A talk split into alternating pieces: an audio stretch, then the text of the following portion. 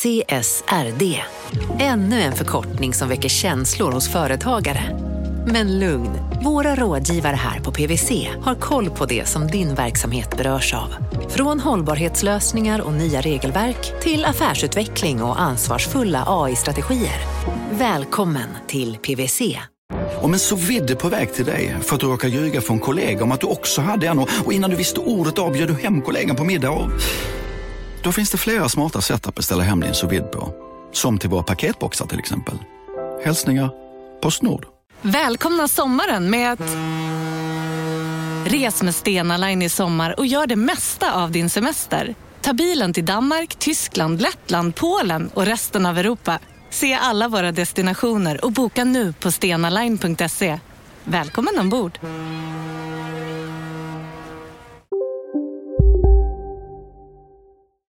Hej och välkommen till Kapitalet. Jag heter Gunnar Harjus. Jag heter Jakob Bursell. Okej, det här är inte den sexigaste inledningen vi någonsin haft, men jag tänker att ni vet vad en livförsäkring är. Du betalar in pengar varje månad till ett försäkringsbolag och när du dör, oavsett om du är ung eller gammal, så får dina efterlevande ut massa pengar. Hur mycket pengar, det beror på hur mycket pengar du själv har betalat in genom åren. Det finns en massa varianter på det här och det är, ja, vi ska vara ärliga och säga att det är rätt snårigt att förstå.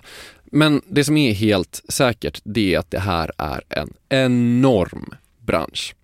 Värdet på livförsäkringsföretagens tillgångar är, håll i er, runt 4 000 miljarder kronor. Jakob, kan du sätta det här i perspektiv åt mig? Ja, men typ fem statsbudgetar.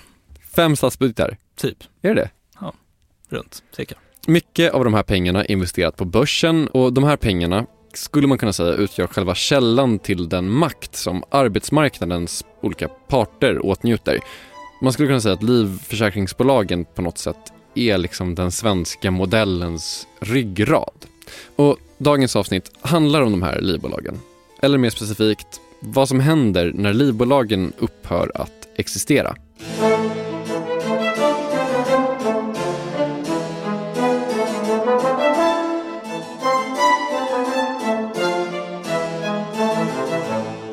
Finns en grundläggande premiss här och det är att det historiskt har varit kunderna i bolagen som äger bolagen. Någon slags så kooperativ ekonomisk föreningssväng typ. Exakt, och det här kallar man då för ett ömsesidigt livbolag om man ska vara lite mer noggrann. Men idén är att i samma sekund som du tecknar en försäkring så blir du också delägare i bolaget. Du kan gå på en årsstämma som man håller varje år. Eh, du får vara med och rösta fram bolagets styrelse och precis som aktieägarna i vanliga företag så ska också få del av företagets vinster. Men sen när du dör och din försäkring är liksom utbetald och förverkad, då upphör det här medlemskapet. Så döingar får inte vara aktieägare? Nej, exakt.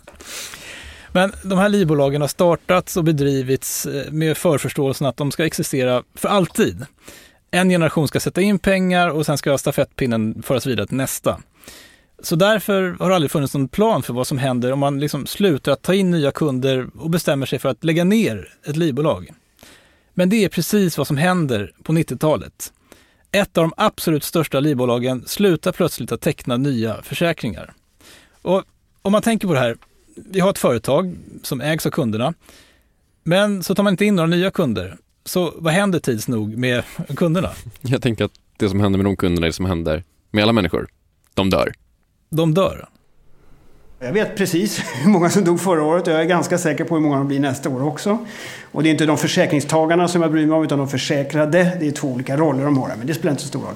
Men de, det är, just nu ligger vi på runt 4 500 per år som avlider. Då. Men det är mycket mindre utsträckning än en gång, vi en gång trodde vilket naturligtvis är glädjande.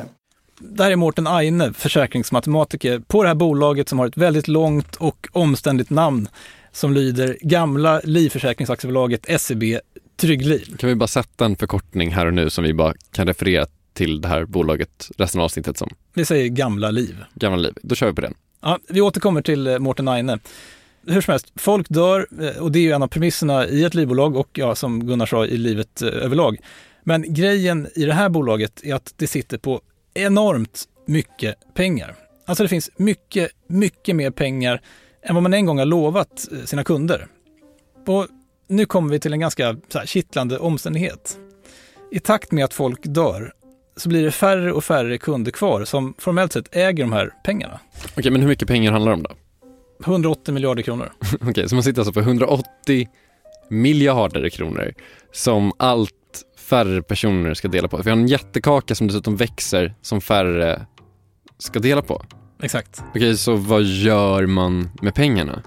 Svaret efter det här. Vi sponsras av Storbrand Asset Management som ju förvaltar över 1000 miljarder norska kronor, bland annat för SPPs eh, många pensionssparare.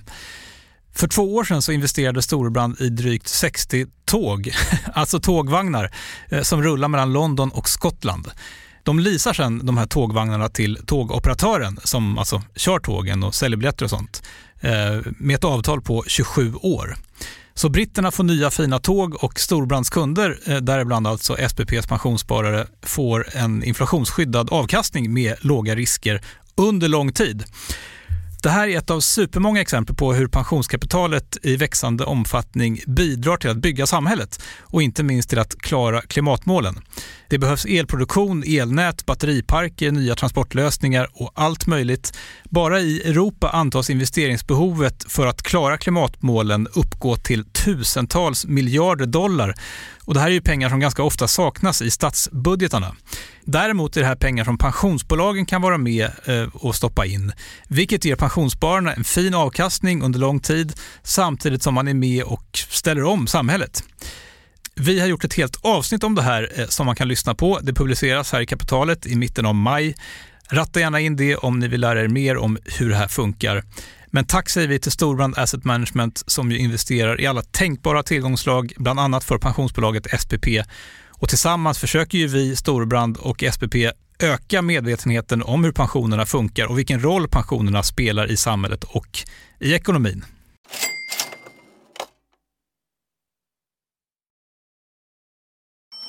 Du lyssnar på Kapitalet, jag heter Gunnar Harjus och eh, innan reklamen så hörde vi alltså att vi har ett livförsäkringsbolag som ägs av sina egna kunder och att man i slutet av 90-talet slutar ta in nya kunder.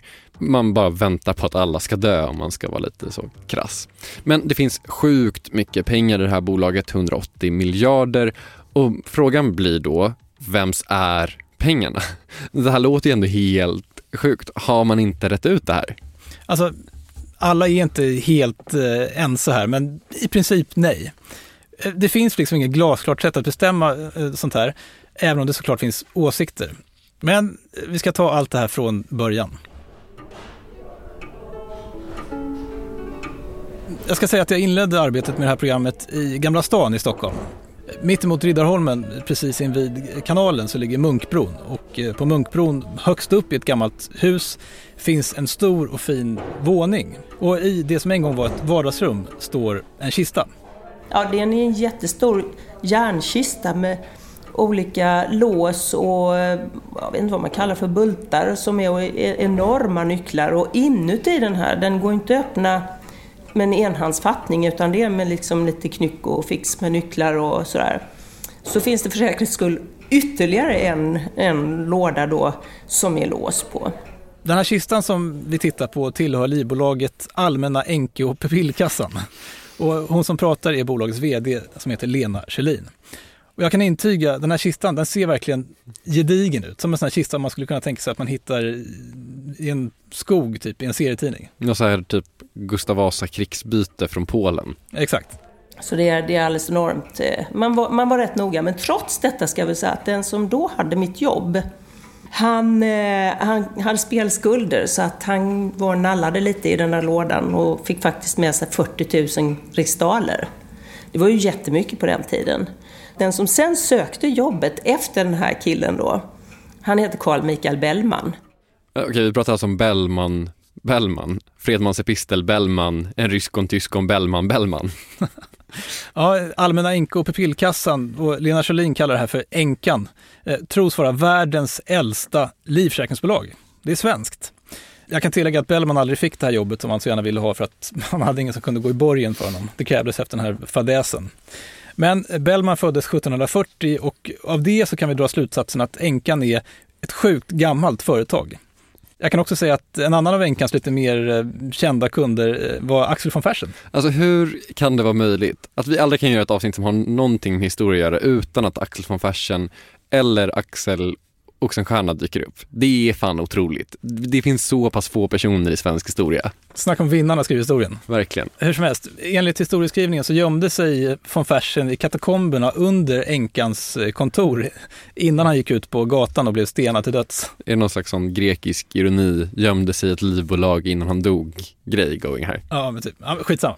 Det här i alla fall vill säga är att det här med livbolag är en gammal idé och den uppstod eftersom livet på den här tiden såg ganska annorlunda ut. Mm. Idag har vi någonting som heter allmän statlig pension, men det är inte ett 1700-tals påhitt utan det är ett 1900-tals påhitt. På 1700-talet när änkan grundades så jobbade man tills man dog helt enkelt. Och sen så blev det inte några mer pengar till någon. Man kunde såklart spara pengar när man arbetade, men dog man ung, vilket folk gjorde i större utsträckning än vad man gör idag, så fanns det inte en enda krona eller daler kvar till eh, familjen. Nej, men sen kom man på en ganska smart idé. Det är som en ideell förening. Och i det här fallet så var det så att det var 12 stycken personer, som män då, som bestämde sig för att om någon av dem dog så skulle deras anhöriga få försörjning. Och eh, då sparar man ju pengarna i den här kistan som jag beskrev. Från början var det här ganska enkelt. Du betalade alltså in pengarna och arbetade, eh, men så fort en medlem i den här föreningen dog så betalade de kvarvarande ut pengar till gubbens änka så länge hon levde. Det här kan man liksom säga är det som skiljer ett vanligt sparande från en försäkring. Tjusningen är att de som har turen att leva längre än snittet också försörjer de här änkorna som hade män som dog tidigt. Det man missar på gungorna tar man igen på karusellen och allt det där. Ja, och man inser nog ganska snart att det här var en bra idé, eh, för man börjar utveckla konceptet eh, omedelbart. Men sen byggde man på det där. Så att då hade man eh, även försäkringar som gällde för eh, ogifta döttrar. Och sen så kom det till en annan fin försäkring som var till oförmögna söner. Och det kunde man ju påverka lite grann då. Man kunde ju antingen låta bli att gifta sig om man var kvinna. Eh, och man kunde känna sig lite oförmögen kanske. Vilket gjorde att i slutet på 1760 så var det rätt så knackigt med änkans medel. Och då såg man, började man se över ekonomin här och hur livslängdsantaganden och sånt ser ut. Så man började skapa nya regler då. Jag ska säga att på Lena Kjellins superskärmiga kontor i arkivet bakom hennes arbetsrum eh, så finns det urgamla gulnande liggare där man i snirlig handstil har skrivit in namnen på alla försäkringstagare sedan begynnelsen i så kronologisk ordning. Så det kan vara någon sjökapten som har betalat in sina försäkringspremier och sen kan man läsa när han dog och att pengarna sen då började betalas ut till hans fru.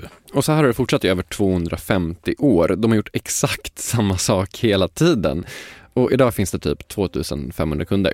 Och fortfarande är det kunderna som äger bolaget. Det liksom ärvs från generation till generation i takt med att gamla kunder dör och nya kunder tecknar nya försäkringar. Vad innebär ömsesidigheten då? Det är som en ideell förening att om du är försäkringstagare i detta bolaget, då har du rätt att komma till vår stämma som vi har en gång om året och komma hit och rösta och ha synpunkter på, på mig till exempel och på vad jag har gjort och på vad vi har gjort. Ehm, och man kan lägga fram förslag och så vidare. Så att man har väldigt stor, i detta lilla bolag så har man ju väldigt stort inflytande om man har en försäkring tecknad här. Till skillnad från många av de andra stora bolagen som kan ha en miljon försäkringstagare. Okej, men vad, vad liksom har folk för synpunkter? Det är liksom ett försäkringsbolag. Jag tänker aldrig på mitt försäkringsbolag. Hur ofta tänker du på typ If? Ja, men jättesällan. Okej, vad tänker du om det här försäkringsbolaget då? Ja, men Lena säger att folk ändå är ganska aktiva och kommer på de här stämmorna och det kan handla om allt möjligt, men att det senast handlade om att det tydligen finns för få kvinnor i styrelsen. Mm. Men i övrigt så verkar folk faktiskt ganska nöjda med änkan. Vilket skulle kunna bero på att de sitter på hur mycket pengar som helst. Det går bra för änkan. Och här kommer vi till en central grej. Livförsäkringar kan bli jättekomplicerade och, tittar man på ett stort livförsäkringsbolag idag så finns det jättemånga olika produkter och det är inte helt enkelt att förstå vad som är vad och hur allt det här sitter ihop. Men i grunden för allting så finns det en väldigt enkel princip. Det finns alltid ett löfte om hur mycket pengar som ska betalas ut. Det vill säga, om du tecknar en försäkring på en miljon kronor, alltså en livförsäkring, så innebär det att bolaget måste ha en miljon kronor i beredskap. så fort vi har fått in en, en godkänd ansökan eh, om försäkring. Du, har, du är helt eh, frisk och kry och din hälsodeklaration ser helt okej okay ut så. Då gäller din försäkring. Om du sen eh, blir sjuk eller går rätt ut i gatan och dör rättare sagt. Så eh, då betalar vi ut försäkringsbelopp till dina anhöriga. Du behöver inte ens ha betalat in en enda krona i premie. Det här är ju en risk som vi tar. Alltså måste vi ha pengar så att vi kan betala ut omedelbart fast vi inte har fått in några. Och visst, NK-pupillkassan tar en risk här, men de har också sex gånger mer pengar än vad de behöver. Alltså om alla kunder, alla 2500 kunder de har idag i någon slags supertragisk, hemsk olycka skulle dö här och nu. Tågolycka? Ja men fruktansvärd tågolycka på väg till något sånt härligt medlems kundmöte. Då skulle de kunna betala ut alla försäkringar sex gånger om. Och det här beror i princip på att de har haft så superlåga kostnader och att de har varit sjukt bra på att förvalta de här pengarna i typ 200 år. Och det måste finnas i viss utsträckning åtminstone, eftersom man enligt lag måste ha buffertar. Men har man mycket extra pengar så brukar det betalas ut sådär krona för krona till ägarna, alltså till försäkringstagarna. Och det kallar man då för återbäring. Okej, men om änkan nu har sex gånger mer pengar än vad de behöver och kunderna äger företaget, alltså skulle de inte typ kunna ta ut allting? Varför liksom inte bara dela ut allting i en klump, här och nu, ha superkul för alla pengarna nu snarare än att liksom eventuellt en dag få dem i framtiden? Ja, alltså jag tänkte på samma sak, men Lena menar att folk har skaffat de här försäkringarna för att deras anhöriga ska få pengar när de dör. Att, ta ut alla pengar nu, om det nu är möjligt, det är inte syftet med änkan. Dessutom så finns det liksom någon form av sentimental grej också, att änkan har funnits i 250 år och folk gillar det här bolaget. De vill inte lägga ner änkan och ta ut pengarna. Så det blir en hypotetisk fråga. Men, och det här är grejen, frågan är inte alltid hypotetisk. Kapitalet sponsras av Master Exchange, plattformen där du som privatperson kan investera i låtar och får pengar varje gång de här låtarna spelas. Eh, vi berättade ju senast eh, om barnlåten Puff the Magic Dragon som noterades av Master Exchange under våren. Nu har utdelningen på den låten kommit, eller royaltyn som vi säger i musikbranschen. Eh, den ligger på drygt 12% i årstakt och det här är ju en avkastning som är helt okorrelerad till eh, börsen. Till och med Goldman Sachs har börjat skriva om just musik som investering eh, just ur det här perspektivet. Nu finns en möjlighet att investera i en ny låt. Eh, låten heter Boss Bitch och den är av Doja Cat som, alltså jag ska inte säga att jag är superdeep här men det är ändå en, en person som jag vet om det är. En, en världskändis. Den här låten gav, baserad på förra årets spelningar, en avkastning på drygt 13% Master Exchange har just nu en väntelista på registreringar. Det, det, går lite för bra för dem kan man säga. Men skriver ni in kapitalet som promo code så kan ni runda kön och ansöka om andelar i låten Boss Bitch ändå. Om ni investerar helt vanliga pengar, det är inget krypto eller sånt där. Så vill du investera i musik och få en avkastning som är helt okorrelerad med börsen och kanske inte minst för att det är kul att äga låtar eh, så kan man gå in på masterexchange.com och använda kapitalet som promocode så går man alltså förbi kön. Kom ihåg dock att alla investeringar är förenade med risk men vi säger stort, stort tack till Master Exchange. Kapitalet sponsras av Karla, Jakob. Ja, bilar igen. Ja, det är eh, härligt. På Karla kan man sälja sin elbil eh, på det gissningsvis smidigaste sättet i Sverige Eh, Karla har ju ett nästan ett komiskt högt användarbetyg på Trustpilot. Mm. 4,8 av 5, vilket jag typ aldrig hört talas om. Nej, det är väldigt, väldigt högt. Eh, man knappar in lite info om bilen på sidan, sen får man en gratis värdering och ett bud. Accepterar du budet kommer Karla och hämtar upp bilen gratis och sätter in pengarna innan de kör iväg. Inget mer än så. Rätt fantastiskt. Nej, det är faktiskt ja. helt otroligt. Och eh, det kan bli ännu mer eh, otroligt än så. Eh, för att vi har nämligen en rabattkod som ger dig 2000 kronor extra för bilen. Så om du säljer din bil så får du två lax extra. Stämmer. Bara sådär. Koden är Monopol och eh, den uppger du när du har värderat bilen och eh, pratat med Karlas inköpare. Koden är giltig till sista maj så att passa på om du går i säljartankar. Jag undrar om vi haft en kod som har gett två lax bara sådär någon gång. Nej. Det är helt otroligt. Man behöver en bil förvisso. Absolut, så det är inte, kanske inte bara sådär. Men det är ändå 2000 kronor extra. Väldigt bra. Ja. Så sälj din elbil eller laddhybrid till Karla. Du får 2000 kronor extra med rabattkoden Monopol. Eh, hoppa in och kolla på karla.se, Karla Museet. Där kan man också köpa bilar ska jag tillägga. Verkligen. Vi säger stort tack till Karla.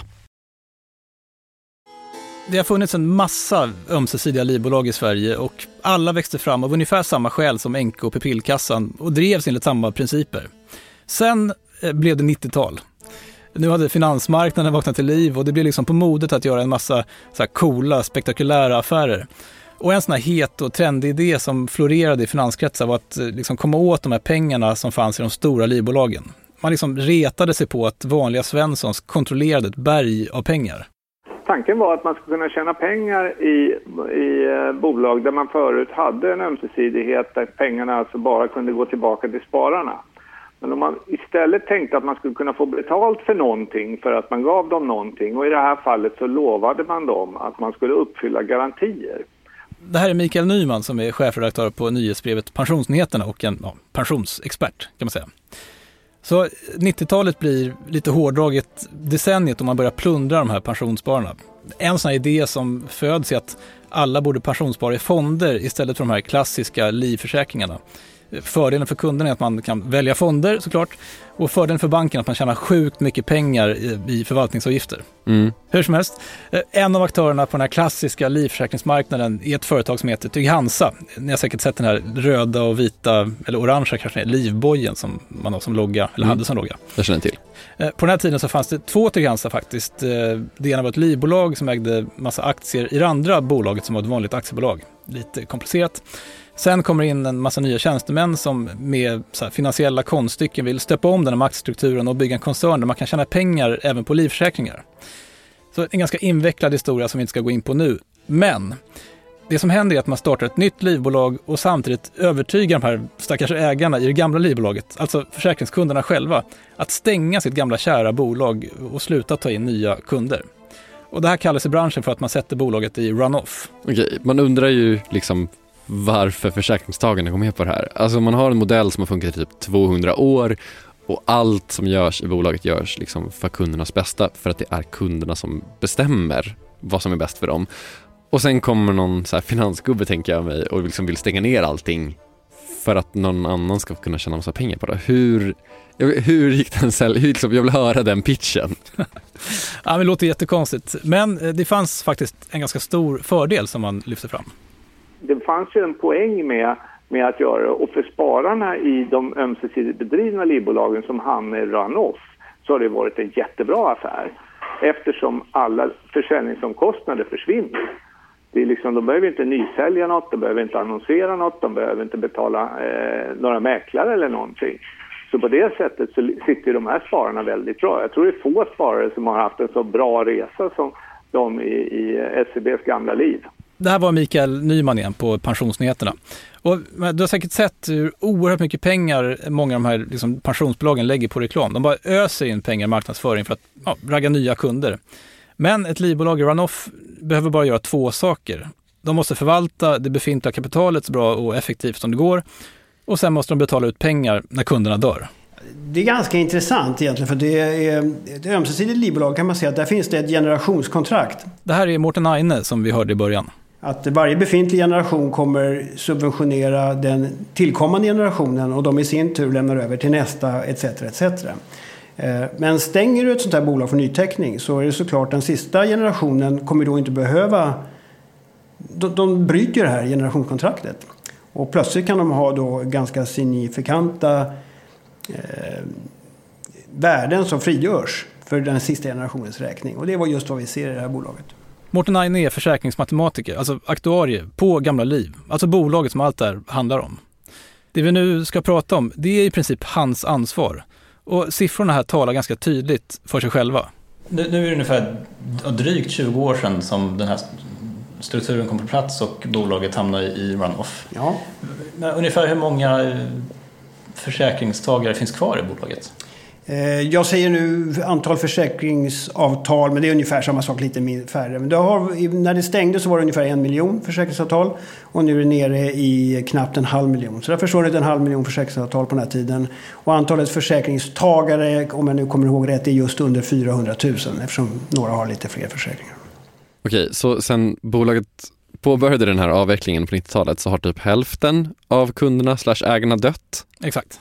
Och hela tiden så har man betalat ut pengar till kundernas anhöriga, precis som man har lovat. Exakt. Och enligt Morten Aine så dör mellan 4 000 och 5 000 kunder varje år, som vi hörde i början. Och varje gång betalar man ut ganska stora belopp faktiskt, som ja, bara rinner ur bolaget. Men tack vare att ja, de här kostnaderna har minskat så har tillgångarna inte minskat i värde. I slutet av 90-talet hade Gamla Liv runt 180 miljarder kronor i tillgångar. Alltså 180 miljarder kronor.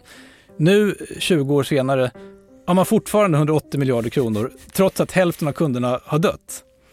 Och grejen är att av 180 miljarder kronor så behöver man bara 80 miljarder för att uppfylla alla löften mot kunderna. Alltså skulle alla kunder dö idag, alltså samma resonemang som vi hade med NK på villkassan, så skulle det kosta bolaget 80 miljarder. Okej, så det finns 100 miljarder kvar? Precis. Och vems pengar är det? Det är det här som är grejen. Det här är liksom vinster som ackumulerats i det här företaget i alla år, alltså flera decennier. Och det man vet med säkerhet det är att det här är försäkringstagarnas pengar, alltså det är kundernas pengar. Det är de som äger tillgångarna. Men exakt hur och när de här pengarna ska fördelas, det finns liksom inget svar på. Det är Mårten Aines jobb att lista ut vad man ska göra med pengarna. Det är min uppgift att föreslå hur de vinstmedlen ska fördelas bland Eh, försäkringstagarna. För det finns inget aktiebrev här som exakt bestämmer hur det här ska fördelas. Utan det gör styrelsen, tar beslut om det löpande istället. Så att du har din rätt som står enligt papper och den kan du gå med till en domstol om du inte får ut. Men den andra rätten har du i princip ingen skydd alls. Mer än att du har lyckats välja eh, goda eh, företrädare som styr det här bolaget. Bara så att jag är med här nu. Du har ett försäkringsbolag som ägs av kunderna. I slutet av 90-talet så beslutar man sig för att stänga ner det. Mm. Och när man stänger ner bolaget så sjunker kostnaderna. Så trots att hälften av kunderna har dött så finns det fortfarande lika mycket pengar kvar. Och nu sitter man liksom och väntar på att alla ska dö, eller? Alltså vad ska man göra med de här vinsterna? Ja, runt 2066 då ska det vara 4 500 kvar ungefär är, då prognosen just nu. Men det är klart, det kan ju, dödligheten kan ju förändras ännu mer gynnsamt än vad vi nu tror. Så det, det är den aktuella prognosen. Ett av Mårten Aines viktigaste uppdrag är att gissa hur länge de här försäkringstagarna kommer leva. Och enligt hans absolut bästa uppskattning så kommer det 2066 att finnas 4 500 försäkringsavtal kvar. Alltså ett par tusen kunder. De sista väntas dö om typ 60 år. Men då tänker man ju så här att eh, det kommer sitta två stycken så här 115-åriga tanter kvar 2088 och liksom säga ja, men nu stänger vi ner den här skiten och så bara delar vi på pengarna. Så de får typ 50 miljarder var och det blir liksom grannyrornas grannyra. Ja, eller så kör de bara en duell på gatan. Okej, men är, är liksom duell på gatan ett rimligt alternativ? Svaret på den här frågan är tyvärr, kanske man ska säga, inte lika roligt som man hade hoppats. Ja, då har jag misslyckats med mitt jobb då, i så fall. Och, men i och för sig, jag kommer inte vara kvar då, utan det är bortom min tidshorisont, min karriärshorisont och min tidshorisont också antagligen. Eh, då, då tror jag att man har tagit ett dåligt beslut på någon stämma, utan man bör nog se att nu är det för litet för att driva effektivt. Och då bör man nog eh, överlåta resten till någon annan. Eller kanske om möjligt då avsluta de sista försäkringarna. Alltså, det kittlande med allt det här är att det inte finns något facit. Och enligt Mårten Aine finns inte heller någon färdig plan för hur den här avslutningen kommer se ut. Men vad gäller de här vinsterna, alltså typ 100 miljarder kronor, så ska de delas ut till ägarna. Men man gör det bit för bit, år efter år.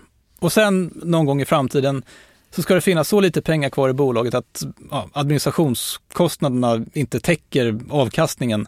Och då kommer man vilja fusionera bolaget med ett annat, typ större, mer livskraftigt livbolag. Alltså jag är så besviken nu att hälften vore nog, det här var inte svaret jag hade hoppats på. Nej.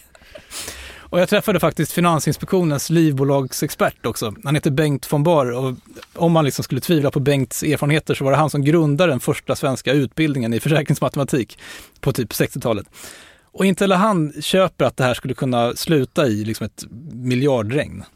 Nej, det kan man inte för att de som satt på det bolaget de skulle i god tid ha liksom tagit tag i den här situationen och, och eh, så stora övervärden finns aldrig i, i livförsäkring. Då, har de, det, det då måste ju vara en, en, en, en, ambition hos de som driver ett sånt här bolag, eh, ömsesidigt bolag.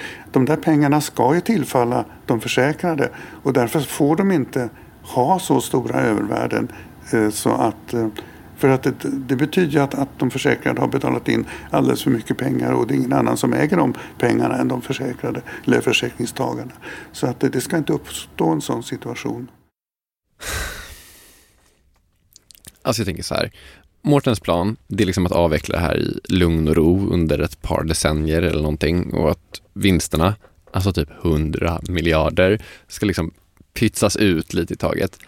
Men om nu ändå det är så att försäkringstagarna bestämmer allting i slutändan, varför splittar man inte på det här nu? De borde liksom kunna sälja allt, ta ut pengarna och sen, jag vet inte, istället för att man ska ha en livförsäkring så har man en ö som man bara bor på i Karibien.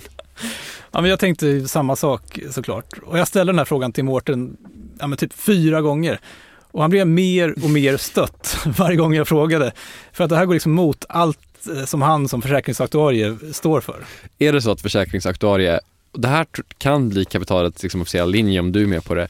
Är det minst livsbejakande yrket? ja, jag tror det. När de säger att vi kan stänga det här idag, det betyder att vi kan inte teckna nya avtal. Men vi har ju ansvarigheter i form av en halv miljon försäkringsavtal som det är vår uppgift att satt att fullfölja. Och det är långa ansvar, vanliga överenskommelser mellan människor i samhället eller företag och andra människor i samhället. Att vi ska följa det här över mycket långa tider. Pacta sunt servanda. De kan inte, det här är civilrättsliga avtal, kan man inte gå in och bryta sig där. Det har ju varit vårt, det är faktiskt vår affär att teckna de här långa försäkringsavtalen. Och plötsligt skulle vi bara kunna säga att vi struntar i dem, vi bara delar ut allting. Vi bryter alla avtal. Vi skulle ha stämningar i drivor här. Men det är ju spararna som bestämmer. De, det finns inga sparare i det här bolaget. Det finns försäkringstagare. Det är försäkringstagarna som Tack. bestämmer. Ja, men, då får, ja, men då, hur ska du kunna gå igenom det? Du, det är ju en silad demokrati naturligtvis. Men du kan ju inte gå emot ingångna avtal. De ligger ju där. Det är ju liksom grunden för ett civilsamhälle. Att, att man, man kan ha rätt att ingå rättshandlingar, ingå avtal och de ska fullföljas. Och det kan, tycker inte jag ett, ett, det kan inte ett bolag. Det får någon jurist svara på, men det kan inte tänka mig skulle vara möjligt. Det bara skär sig i mig när du ställer en sån fråga. Usch, vad otrevligt det blev. Det blev otrevlig stämning här inne i rummet. Men eh, kan man läsa i lagen om hur en sån här avveckling eh, ska gå till? Nej. Det finns en del bipassusar att Finansinspektionen har rätt att gå in och, och dra tillståndet om riskkollektivet är så litet så att det inte finns en försäkringsmässig utjämning längre. Då pratar vi om små begravningskassor med 11 personer kvar och sådana där saker. Här har vi fortfarande en halv miljon försäkringsavtal. Så det är inte i närheten av att kunna komma åt det. Jag måste säga att det finns så mycket här som är fascinerande trots att livbolag är ganska torrt. Alltså dels har vi den här gamla, gamla hedliga sparformen, livbolag, som i facit hand har varit en sjukt bra sparform. Sen blev det 90-tal och finansfolket ville in och leka lite affär med de här pengarna, med pensionerna. Och så hamnar vi i det här, i något slags liksom legalt ingenmansland där man på något vänster ska lista ut hur de här enorma förmögenheterna som samlats på hög i decennier eller kanske hundratals år ska fördelas. Ja, alltså absolut, det finns ju någonting spännande här. Men jag tänker så här, du har ju som enda svenska journalist någonsin, i alla fall de senaste 200 åren, faktiskt orkat sätta dig in i det här och gräva ner det.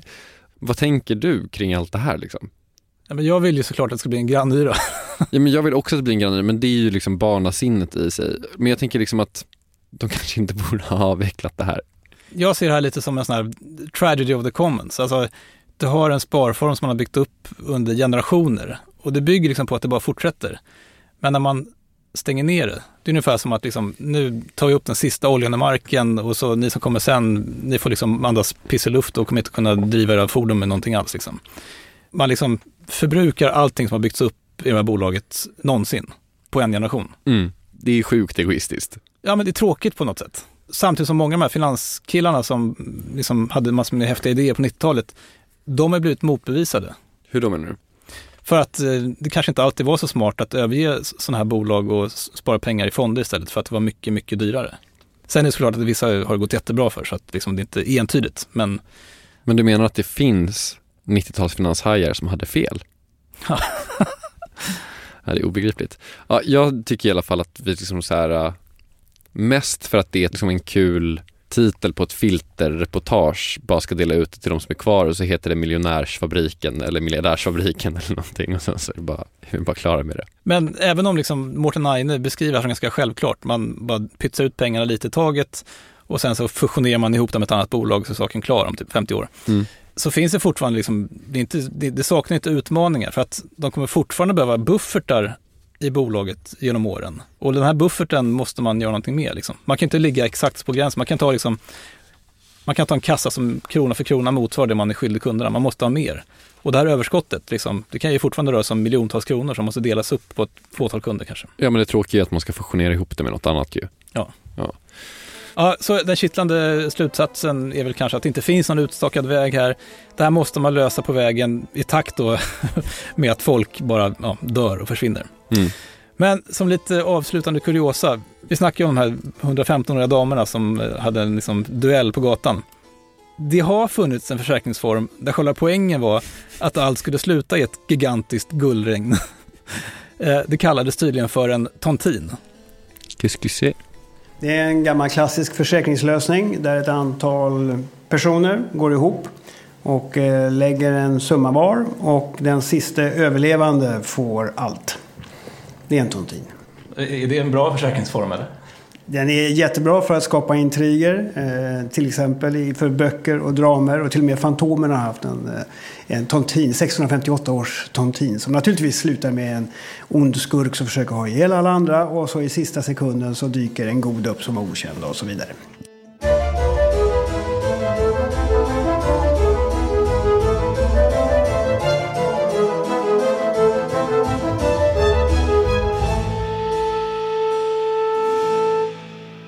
Kapitalet är slut för idag, eh, men vi är tillbaka om en vecka. Följ oss gärna på Instagram, där heter vi Kapitalet.